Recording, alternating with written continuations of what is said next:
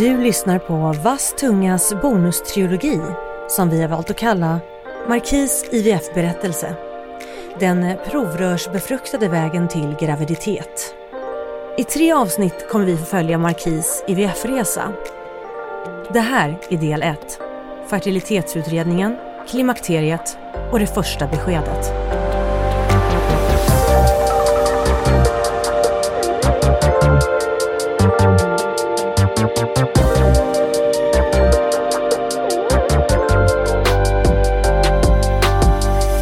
Det startade egentligen nästan två och ett halvt år innan vi började med liksom hela i vår IVF-resa. Jag och min man hade varit tillsammans i typ sju år och bestämt oss för att okej okay, men nu ska vi skaffa barn, nu ska vi liksom bilda familj. Och då fick jag för mig att jag bara skulle göra ett besök hos gynekologen. Bara för att säga, göra en checkup, allt är okej, okay, let's go, let's keep it moving. Eh, och det är sjukt svårt att få en tid hos en gynekolog. Alltså det är fan, alltså, det är det absolut svåraste. Så jag fick inte tid dit jag brukade gå. Så jag bokade på en klinik i Fridhemsplan. Jag jobbade i DN-skrapan då. Så jag fick en tid där, så jag åkte dit och så började hon kolla. Och så såg man att jag hade cystor på mina äggstockar. Eh, och jag var så här, ah, ja men de har jag haft förut liksom. De har jag vetat om att jag har. Eh, och så blev hon liksom, du vet när de blir lite tysta, och de är lite tysta för länge. Så jag eh, började bli stressad för nu är det så här, okej okay, men nu ska vi keep a moving, nu ska vi bli föräldrar liksom. Och till slut så tog hon massa bilder på det där och sa att hon skulle kolla med hennes, hennes eh, läkare. För att liksom kolla vad det skulle kunna vara för att det såg, det såg avvikande ut liksom. Och jag var så här, vad, vad betyder det? Nej men det skulle kunna vara för att det här var inte en syster. Det finns vanliga cystor som är fyllda med vatten. Men här var fylld med blod. Så det var liksom en annan typ av vätska. Och där, där hon då ville göra en checkup för att hon misstänkte att det var typ äggstockscancer. Jag bara, uh, okej. Okay. Så jag, jag bara gick ut, gick ut därifrån efter hon hade, det var liksom, och det var första gången jag ens hörde om IVF. Och då var hon såhär, ja ah, om det är så att du har så här då kan det innebära att man behöver göra. Hon var väldigt snabb med att prata om IVF och jag var såhär, varför, va? Vad snackar hon om? Min mamma har liksom sex barn och min pappa har 16. Alltså vad, vad ska jag, alltså mina moster, alla har barn, det är klart att jag kan bli med barn liksom. Eh, sen åkte jag därifrån och sen precis när jag skulle parkera i parkeringshuset så ringde hon mig och bad mig komma tillbaka. Hon bara, nej men vi måste utreda det här, du måste komma tillbaka. Eh, och vi måste ta blodprover på dig för att se om det här är äggstockscancer. Jag bara, vänta. Jag gick bara dit för du skulle säga livmodern ser bra ut, allt ser normalt ut, keep it moving liksom. Eh, så jag åker tillbaka, jag kommer ihåg att jag ringde min mamma och bröt ihop och bara de misstänker att jag har äggstockscancer och jag ska ta prover. Hon var bara lugn, lugn. Och då när jag kom till det här, för där de tog proverna var ju på ett annat ställe än där hon undersökte mig. Så jag fick gå ner dit och så satt jag i kanske två minuter. Och sen så fick jag komma in. Och egentligen måste man ju sitta i 15-20 minuter för att man liksom ska vara lugn. För att annars kan värdena på provet bli väldigt höga och då blir det missvisande i form av vad man kollar efter. Så jag kom in två minuter så hon tar och fyller massa rör i armen och sen bara några minuter efter det så blir jag helt blå på armen för jag hade varit så spänd och så stressad när hon tog de här blodproverna. Eh, och sen fick jag typ åka därifrån. Och så ringde hon till mig dagen efter. Hon var liksom, alltså hon var bara så skum i, hon, i, hon var inte så informativ. Hon fokuserade snarare på det negativa. Men förklarade inte. Hon, bara, så hon ringde mig och bara så här, okej okay, dina värden är höga. Jag bara, men vad betyder det? Ja men det betyder att det skulle kunna, du vet. Att hon fortfarande indikerade på liksom äggstockscancer. Jag bara, vad snackar hon om? Du vet sjuk i huvudet.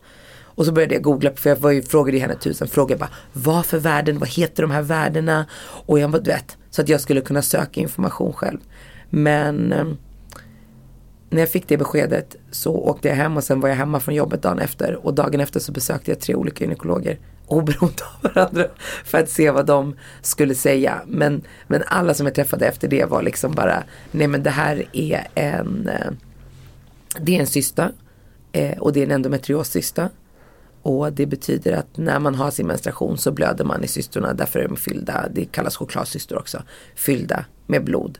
Och det de här cystorna kan orsaka är att det blir svårare att bli gravid naturligt. För att när man har någonting i kroppen som ligger på fel plats så vet kroppen liksom om det. Och då försöker kroppen, kroppen att arbeta bort den. Så kroppen försöker med sitt egna förs, liksom försvarssystem jobba bort oj förlåt, den här cystan. Och det det gör då är när man har samlag med sin man och spermierna kommer in, då dödar den allting. Den kan inte skilja på så här, ja, här är en blodcysta och här kommer spermierna. Det är bara det som inte ska vara här. För det blir liksom en infektion i buken och då jobbar den mot det. Så att det var det jag fick till mig. Men jag var så okej okay, men vi måste ändå försöka själva.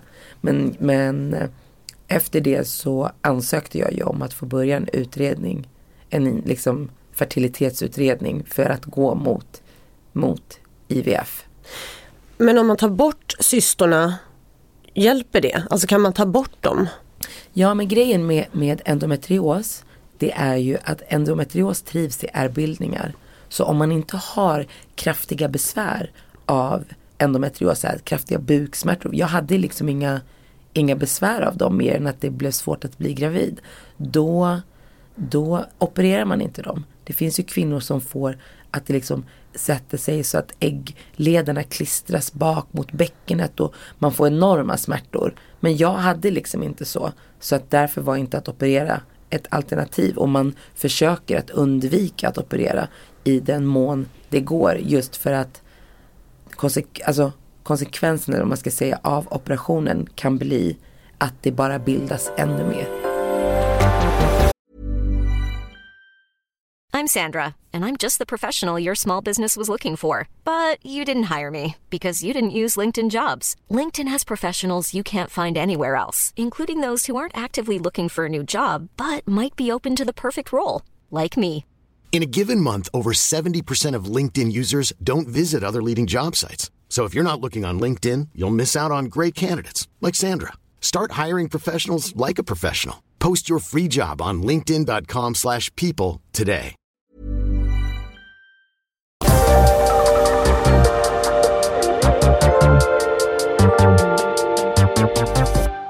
Då fick jag besöka liksom min, min jag gick till min gynekolog som är liksom min och så pratade man om, okej okay, men hur länge har ni försökt? Och då berättade jag så här, men vi har varit tillsammans i sju år och jag har aldrig käkat preventivmedel.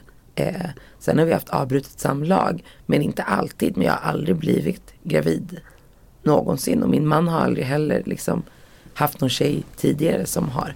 Och jag har ju bara varit med Kevin.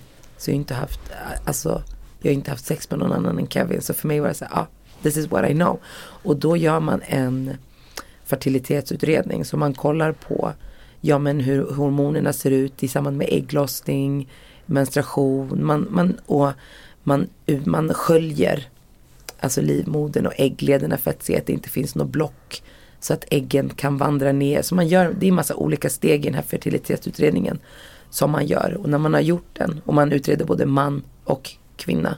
Och när man har gjort den så tittar man, hittar man någonting, ja men då vet man vad man liksom har att jobba utifrån. Om det är mannen, okej, okay, men då vet vi om det är liksom med brist på äggproduktionen eller liksom att det är obalans. Man kan ha PCO där man liksom där äggblåsorna växer men de inte släpper och därför blir de aldrig befruktade. Så det är sånt man liksom kollar efter i en sån här utredning.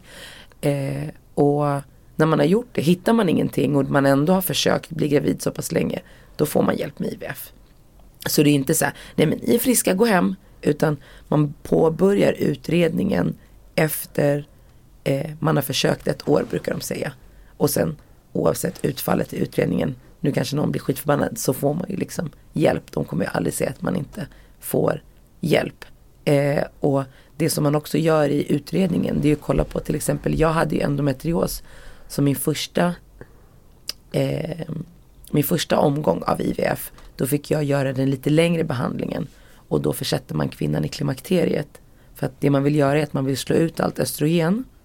För att man sen ska kunna kontrollera östrogenet som man tar i form av sprutor. För att ibland om man har endometrios så kan man ha för mycket av östrogen. Så att man liksom vill balansera det och känna att man har kontroll på behandlingen. Men hade du någonting annat som störde förutom cystorna? Allting annat var... Allting annat var jättebra. Jag hade jättemycket ägg, friska ägg, livmodern såg bra ut och jag har alltid haft regelbunden menstruation med ägglossning. Så, så att det var bara att, att eh, uh, cystorna låg där. Och jag hade ju träffat en gynekolog några år tidigare så jag visste att jag hade de här chokladcystorna. Som hade sagt till mig, börja med, börja med preventivmedel. Sätt in en hormonspiral så att eh, mensen upphör. För att den bästa medicinen för att bli av med endometrios det är att inte blöda. Men, men jag kommer ju från en annan, alltså ett marockanskt hem med en annan kultur där det är så här, om man käkar preventivmedel det kommer bli svårt att bli gravid. Så jag bara, alltså hell I'm not doing that. Jag kommer inte att riskera att jag inte kommer kunna bli gravid. Men, och det är något som, jag ångrar ingenting. Men hade jag, hade jag haft den här kunskapen så hade jag ju gjort som gynekologen sa då och, och tagit, satt in en hormonspiral så att mensen skulle upphöra och jag hade torkat ut de här eh, chokladcystorna. Så om vi går tillbaka till det här med eh, att du skulle hamna i, eh, du skulle ta bort östrogenet Mm. och sen kontrollera det. Hur, hur, hur gick det till? Det gick till, man, när, när man väl blev kallad så åkte man dit, så åkte man dit med sin partner och då hade de liksom, de undersökte det, så hade de en genomgång. En genomgång på liksom behandlingen. För hela den här behandlingen gör man ju själv. Man tar sprutorna själv, alltså allt gör man ju själv förutom äggplock och insättning. Och IVF innebär ju att man befruktar utanför livmodern och sen sätter in en blastocyst eller ett embryo med hopp om att det ska växa i. Så att själva, det är den här själva befruktningen som sker utanför, alltså det som händer vid ägglossning. När ägget släpper och spermien. Så det är det som händer utanför. Så det man kom dit och så fick man en eh, genomgång av liksom, okej, det här är det som läkaren har bestämt med det för dig. I och med att du har de här chokladcystorna så ska vi försätta dig i klimakteriet. Och jag bara, klimakteriet? Okej, hade ingen aning om att det, vad det ens innebar att försätta sig i klimakteriet. Så det jag skulle börja med då var nässpray. Som jag skulle ta i typ en, minst en månad sa de. Men det kunde bli längre. Varje dag eller? Varje dag. Morgon och kväll. Och från början så kände jag ingenting. Så jag bara Men efter några, alltså typ en vecka. Alltså jag började få så här vallningar. Har du sett så här äldre, alltså äldre kvinnor, men du vet kvinnor i menopaus. De, det är 15 minus ute och de sitter och fläktar för att svettas. Och det var en kvinna som sa till mig en gång, det var faktiskt min mans släkt i Sydafrika. Hon bara Being in menopause it's your own vacay. You know? För att helt plötsligt det, det, det kommer sånt värme. Alltså det är som att du går i skuggan rakt in i solen. Det blir så här jätte, jätte, jätte, jättevarmt. Så att jag, det började med det. Jag började få svettningar på natten. Jag kunde ligga och sova så kunde det komma som ett jävla eldklot. Jag kände hur det var på väg och så bara dysch. Och så började jag svettas helt hysteriskt. Så jag behövde ta mitt täcke och det här var liksom vi snackar februari. Det är skitkallt ute. Och det är kallt hemma och man vill bara ligga under täcket. Och jag bara började svettas. Och sen kunde jag känna att ju, ju mer och mer av östrogenet som försvann så, så hamnade jag i depression. Jag är en jävligt glad människa. Jag, jag kan bli arg men jag är inte alls liksom i feel depressed. Inte ens när de tyngsta sakerna har hänt i mitt liv så är jag så. Men jag fick självmordstankar. Jag kunde få en sån där vallning på natten. Och så bara, aj, min hjärna bara skrek till mig så här, jag orkar inte leva och jag är inte ens så aldrig varit liksom. Så jag kunde gå upp ur sängen när vi typ var inne i vecka tre. Gick till köket, till knivlådan. Och jag hade du vet sådana lådor med en låda i. Man drar ut och så har man så här. Så att när jag öppnar första lådan, när jag öppnar klivnålen, då kom jag tillbaka. Då så här, och vad fan håller jag på med? Och så kunde jag väcka Kevin. Så här, Kevin, alltså Kevin. För jag, då kom jag liksom tillbaka. Jag hade sådana personlighetsförändringar. Jag kommer ihåg en morgon när jag vaknade och så pratade jag med Kevin. Så jag gick från, alltså i vår lägenhet när man kommer in så är det först en liten hall och så kommer man liksom in i en stor hall. Och där man liksom är så här, här är klädkammare, ett sovrum, ett annat sovrum, klädkammare, vardagsrum liksom. Så jag går från vårt sovrum så pratar jag med honom. Och han vänder sig om och tittar på mig. Men i mitt huvud så tittar han på mig på något helt, alltså vad min kropp och hur min kropp reagerade på hur han tittade på mig. Alltså jag blev så aggressiv. Jag bara, varför kollar du på mig sådär? Han bara, eh, va? Han står liksom och ska klä på sig. Han har klivit upp ur sängen, vi ska käka frukost. Och jag bara, alltså jag bara, jag går på sexans växel i ilska. Jag bara, du, du, ba, ba, ba. Alltså jag, och samtidigt som jag är så här arg, så Markis, den här Markis bara, vad håller du på med? Men jag kan inte ens hejda mig. Så jag kommer ihåg att jag hämtade ett glas vatten och, och jag har sån här glas som är som, som ser ut som ett vinglas utan fot. Så jag bara kommer ihåg, jag bara, du är så jävla jobbig. Och bara, jag vill krossa glaset med mina händer. Så han, tar, han bara tar tag i mina händer, tar det här glaset, han bara lugna ner dig älskling, vad är det som händer? Jag bara, alltså jag, kommer bara, jag minns inte ens vad jag skrek, jag bara skrek och så går jag rakt ut i vardagsrummet.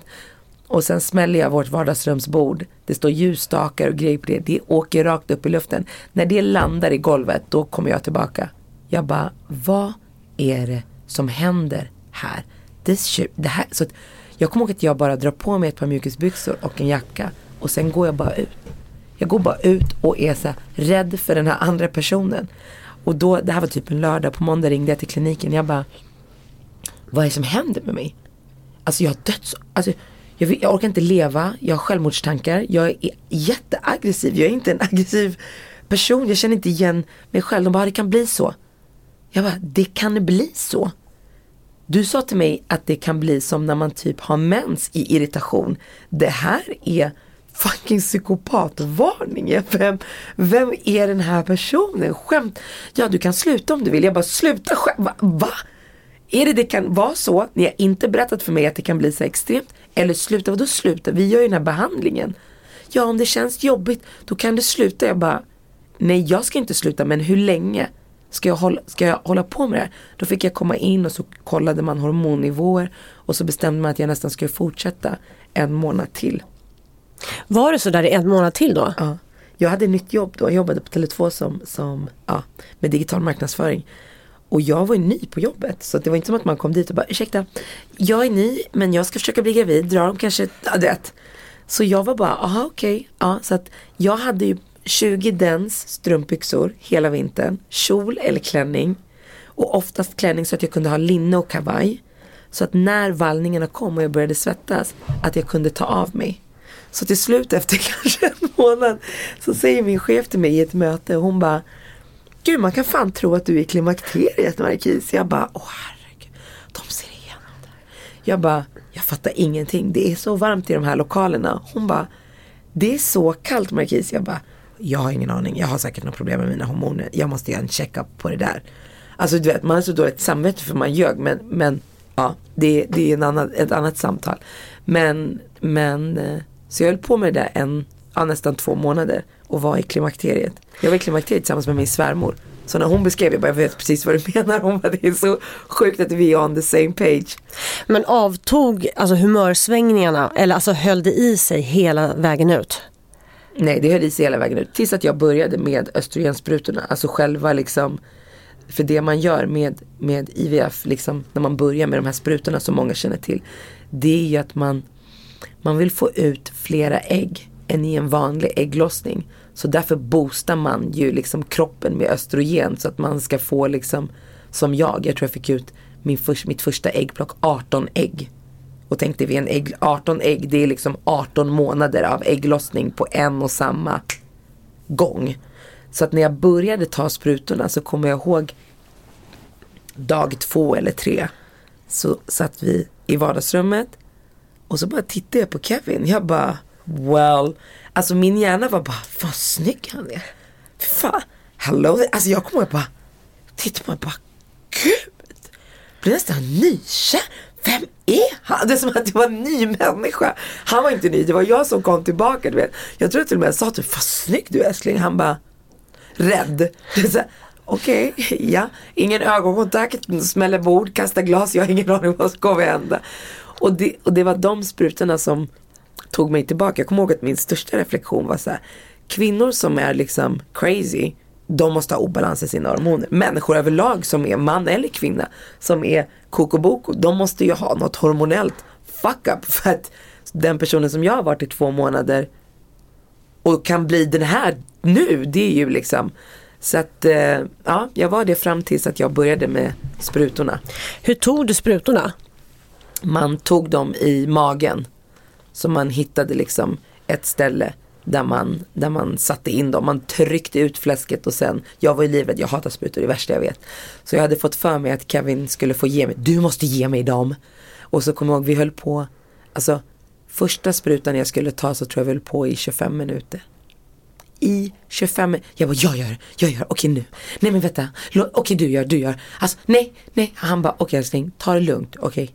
Andas, det kommer gå bra. Den här nålen är jätte, jättetunn. Jag bara, jätte, jättetunn. Jätte, jättetunn. Du, vet du vad? Och så liksom, sådär. Men, men eh, första sprutan var den värsta. Och sen flöt det bara på. Jag hade ju med mig dem där överallt. Jag begränsade inte mig. Så jag tog samma tid varje dag. Eh, Måste man göra det? Det var någon som sa det till mig. Sen när jag läste i papperna så stod det inte det. Det är så bra om du tar samma tid varje dag. Vilket jag förstår så att man har ett balanserat intag av den hormondosen som de har bestämt. Intalade jag mig. Så jag gjorde det. Eh, jag tog samma tid varje dag. 20.30 varje dag. Och det spelar ingen roll om vi var på middag, fest. Det var bara nu är klockan 20.30 så typ fem, alltså 25 över så började jag förbereda. Eh, men när jag, började, när jag började sätta det i perspektiv, det var ju sjukt tufft att försöka bli med barn genom att ligga. Alltså det var verkligen, alltså ett, ett sätt att ta död på ditt sexliv, ja det är att börja med ägglossningsstickor. Att döda liksom passionen och romansen. Det är något som vi verkligen har fått jobba tillbaka. För att, att ha sex blev ett jobb. Alltså när man till slut efter ett år har försökt bli, med, alltså, bli gravid genom att ligga och man säger så här, kom du, är du säker att du kom? Du vet, han bara, han bara, ja.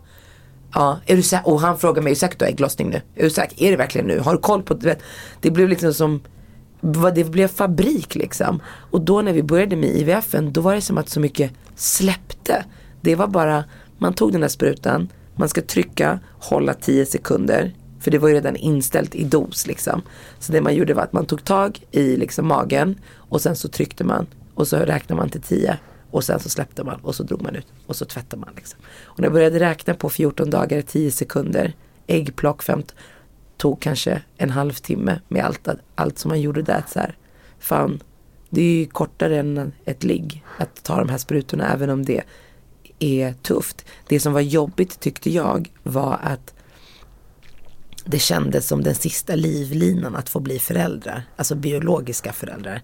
Och det, var, det är nog det som många tycker är jobbigt med IVF. Alltså om jag ska vara rent, för jag tror att ah, behandlingen, det kommer vara så jävla jobbigt. Det var självklart jobbigt med de här hormonsväng, alltså rubbningarna av, av att försättas i klimakteriet. Men, men det som var det jobbigaste känslomässigt och i det här, det var att det var den sista liksom utvägen. Jag, jag sköt ju på att påbörja behandlingen två veckor för att jag var så rädd för att det inte skulle bli en graviditet. Alltså den rädslan. Och jag har ju, sen jag gick ut och pratade om det här, så har jag ju fått många kvinnor och män som hör av sig till mig och där de, det kan vara att man möter dem i kön på ICA och där de inte, de är så här, jag är så stressad.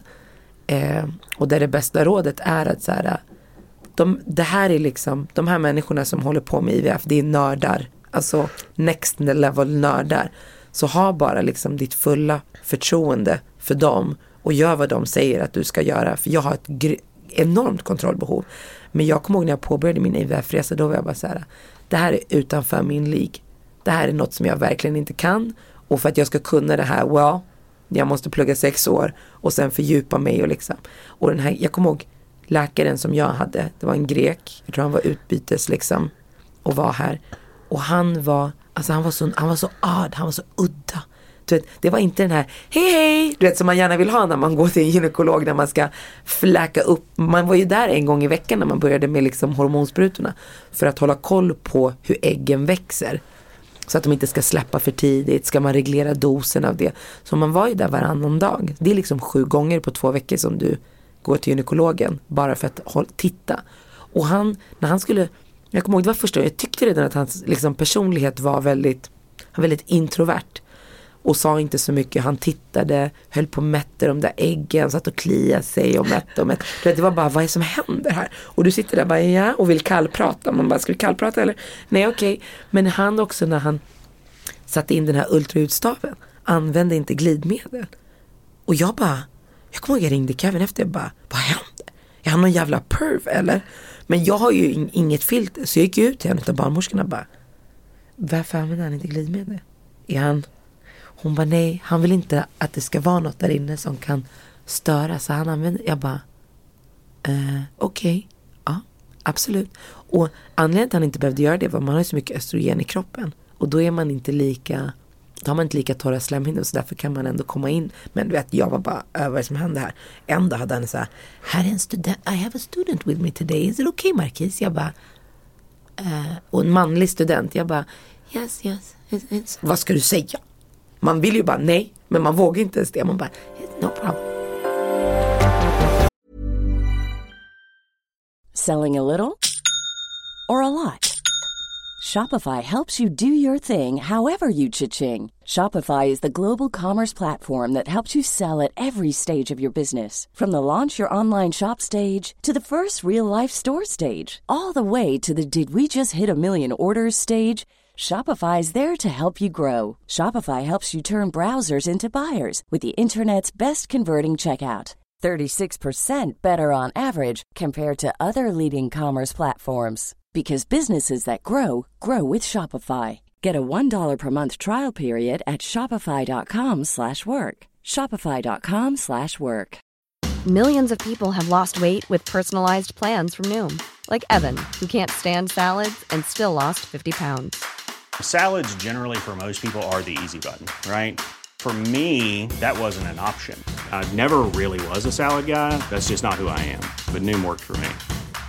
Get your personalized plan today at Noom.com. Real Noom user compensated to provide their story. In four weeks, the typical Noom user can expect to lose one to two pounds per week. Individual results may vary.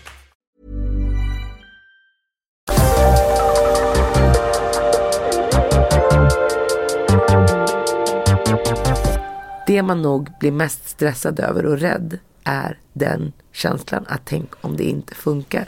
Och sen så försöker vi vara så positiva så att oftast tror jag i en relation, jag vågade ju säga så här till Kevin, jag är livrädd för att det här inte ska funka. Och då sa ju han också, jag med. Men nu ska vi bara fokusera på att vara här och så får vi ta det om det är så att det inte funkar. Och om man gör IVF via staten så får man ju tre gånger. Och många människor tror att de här tre gångerna, det är väldigt otydligt, är tre insättningar. Insättningar av? Det man gör när man har tagit sprutorna det är att då får man gå och så gör man äggplock. Då plockar man ut de här 18 äggen. Och sen så befruktar man dem. Antingen att man lägger ner äggen tillsammans med spermierna i en liten box och sen befruktar de sig så. Eller så tar man äggen, man tvättar spermierna, plockar ut de friskaste och sen så man liksom sätter ihop dem. Förstår du vad jag menar? Så det finns olika sätt att göra det på. Hur vet man vilket sätt de ska göra det på? Eller? Jag krävde av dem att de skulle göra, att de skulle tvätta spermierna, ta ut de friskaste och sätta upp. Det var, jag, jag hade läst på så jag var bara så här, jag vill inte riskera. Om jag får ut så här många ägg och ska ta de här sprutorna, då vill jag ha så många chanser som möjligt.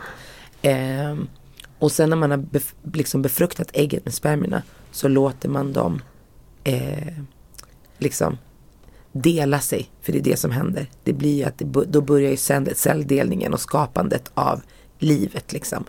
Eh, och antingen kan man sätta in på dag två och då är det ett embryo.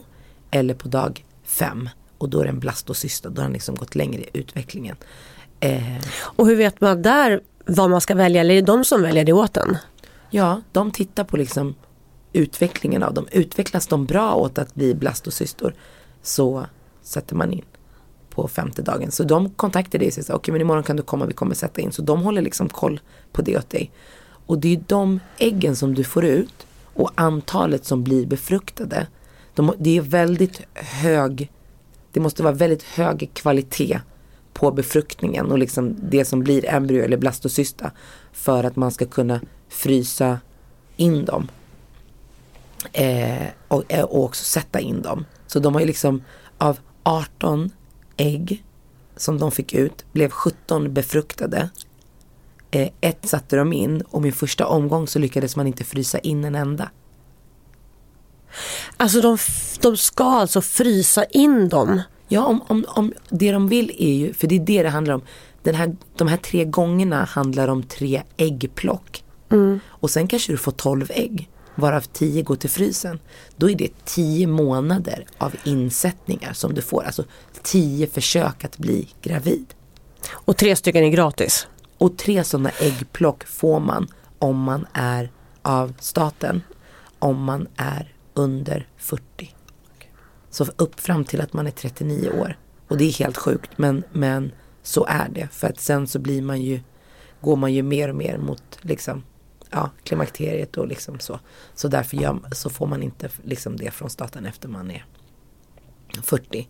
Så det, det är också något att tänka på som många blir stressade över. Där de tror att de liksom ska få en insättning bara.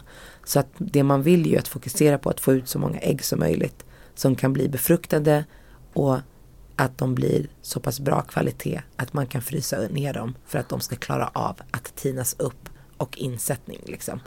Så det är så viktiga saker att lyfta upp just det här med att det är tre gånger men tre gånger kan bli 30 insättningar om man har tillräckligt bra ägg liksom. Eh, och, och just det där att, att inte stressa, att inte känna, att snarare, för det känner jag idag, att jag är så tacksam att den här hjälpen fanns. Att, jag, att någon annan jävel kunde hjälpa mig att bli gravid och få liksom både Marvin och Leora. Eh, det, det, alltså men och det var bara mitt bästa råd, det är bara åk med. Ställ de frågor som du vill ställa och sen gör som de säger. Fråga frågor men ifrågasätt inte. Det är liksom två olika saker. Det, jag, jag var så okej, okay, samma tid, samma dos. Alla sprutor tog exakt samma tid. Jag lyssnade på allting, jag gick på alla kontroller. Jag bara, vid insättning, jag kommer ihåg när, de hade, när man liksom hade satt in första blastocystan. Ja, berätta om, om det. Ja, men Alltså det, det är ju väldigt, det är väldigt sjuk upplevelse om jag ska vara helt ärlig. Äggplocket också, då kommer man dit och så får man no, de ger någon morfin som man bara taxar ut. Man är ju man är inte helt off men man taxar ut. Och då kommer jag ihåg, så det de gör är att de går in med ett rör när man gör äggplock. Och sen så skjuter de ut det röret. Alltså du vet ju hur livmodern ser ut. Så livmodersväggarna som ligger så här. Och sen ute, om man liksom ser en bild på livmodern så är livmodern som ett V. Och sen här uppe liksom på höger och vänster sida där sitter ju ägg. Ägglederna och ägg, liksom äggblåsorna kommer ju därifrån. Och egentligen vandrar ju de ner i livmodern. Men då går man in med den här, sen är det en nål som man skjuter ut genom livmoderväggen. Och in i liksom blåsan. Och så suger man ut äggen därifrån. Och så går man tillbaka. Och jag hade ju cysta på ena. Så jag sov ju typ. Jag kommer ihåg att de frågade mig och jag avslöjade massa saker om någon kampanj på Tele2. Jag, bara, jag var helt groggy bara, sen var jag bara out. Och sen vaknade jag av att jag kände hur den här nålen går igenom den här blodsystan. Och det gjorde så jävla ont. Men men får man inte smärtstillande alls? Eller morfin kanske på ett sätt funkar? Jo, man får det. Men jag tror bara att de såg att den där systern låg där och bara, vi, vi måste gå igenom bara, let's go. Det, det, det var ju så här, och sen så gick, det går ju skitsnabbt. Det är ju liksom ingen operation på det sättet och sen är, var man ju dizzy liksom. Mm. Och sen efter fem dagar kom jag dit, just för jag satte in blastocysta första. Då, då, alltså det var så sjukt. Då kommer man in där, då är man ju liksom vaken. Det är inget sånt, det är som ett gynbesök. Men du ligger i gynstolen, läkaren är där. Det är en TV där uppe så du hela tiden kan se din livmoder. Och sen är det en sjuksköterska som står med dig och sen din man Kevin på ena sidan. Och sen var det som en jävla pizzalucka. Alltså det var en lucka så här bara. Så kom det helt plötsligt en man där. Han bara, ja, ah, eh, ditt personnummer tack. Så jag bara, ja, ah, sa mitt personnummer. Ja, så fick Kevin se sitt personnummer. Och sen bara, kom ihåg, nu skickar vi, nu skickar jag blastosystern här så gick den genom ett rör. Och då hade de liksom kört upp så att det fanns en grej i livmodern. Och sen gick den genom det här röret och så kunde man se på skärmen så här. Och då hade jag ju googlat såklart på YouTube, hur ser det ut, vad är det jag ska kolla efter. Så ser man bara hur den här slangen ligger i livmodern och så släpper de embryot. Det var bara som en vit prick. Och så väntar de. Och sen så drog de ut eh, röret. Och då hade jag ju kollat på så här läkarsajter på YouTube. Eh, vart ska man placera den? Så jag visste ju exakt. For the best result you need to place it. Så jag visste. Så jag bara kolla, kolla, kolla. Och jag kommer ihåg när vi satte in Leora. Då var det så här. Den, det var den här grekiska eh, läkaren. Så när han satte in det. Och så bara släpp. Och så när han väl släppte så här. Så kunde man se på skärmen. Så när han släppte han bara. Och så drog han ut så bara yes! Och så hör man hur den här mannen från luckan också bara good, great work! Och börja high-fivea med varandra. Jag bara, Kevin du gjorde bra jobb. Du gjorde bra jobb. Det var en bra insättning. Så det är, väl, det är verkligen att göra barn med fem andra personer. Det är ju inte alls det här intima. Men vi var väldigt duktiga på att så här, att för att vi fortfarande skulle känna att det var vi som gjorde barn.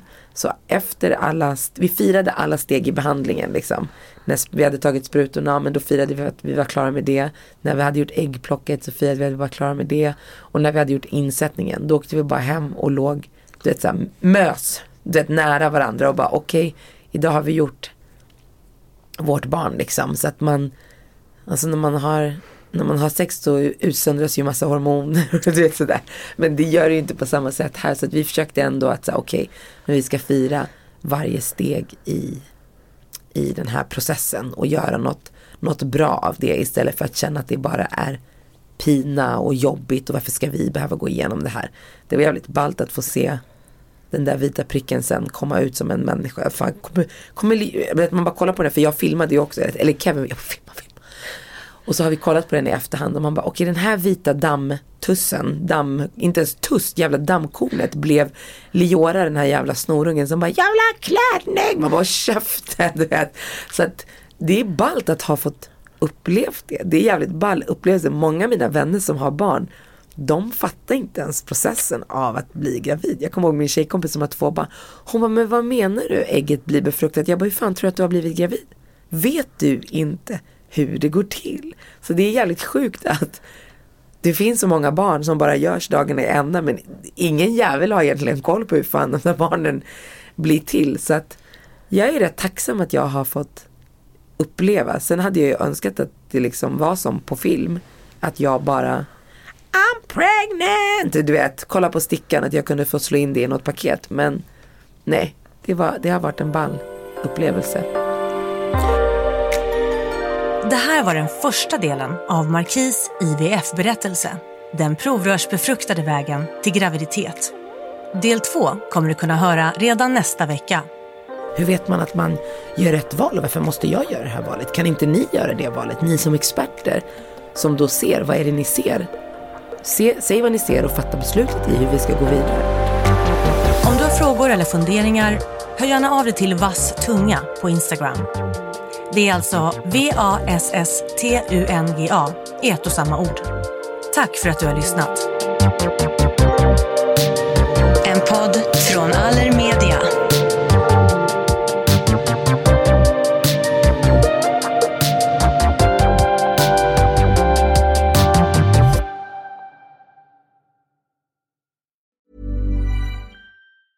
Even when we're on a budget we still deserve nice things. Quince is a place to scoop up stunning high-end goods for 50 to 80% less than similar brands.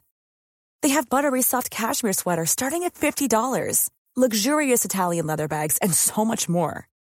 Plus, Quince only works with factories that use safe, ethical, and responsible manufacturing. Get the high-end goods you'll love without the high price tag with Quince. Go to quince.com/style for free shipping and 365-day returns. Mom deserves the best, and there's no better place to shop for Mother's Day than Whole Foods Market. They're your destination for unbeatable savings, from premium gifts to show-stopping flowers and irresistible desserts. Start by saving 33% with Prime on all body care and candles. Then get a 15-stem bunch of tulips for just $9.99 each with Prime. Round out Mom's menu with festive rosé, irresistible berry chantilly cake, and more special treats. Come celebrate Mother's Day at Whole Foods Market.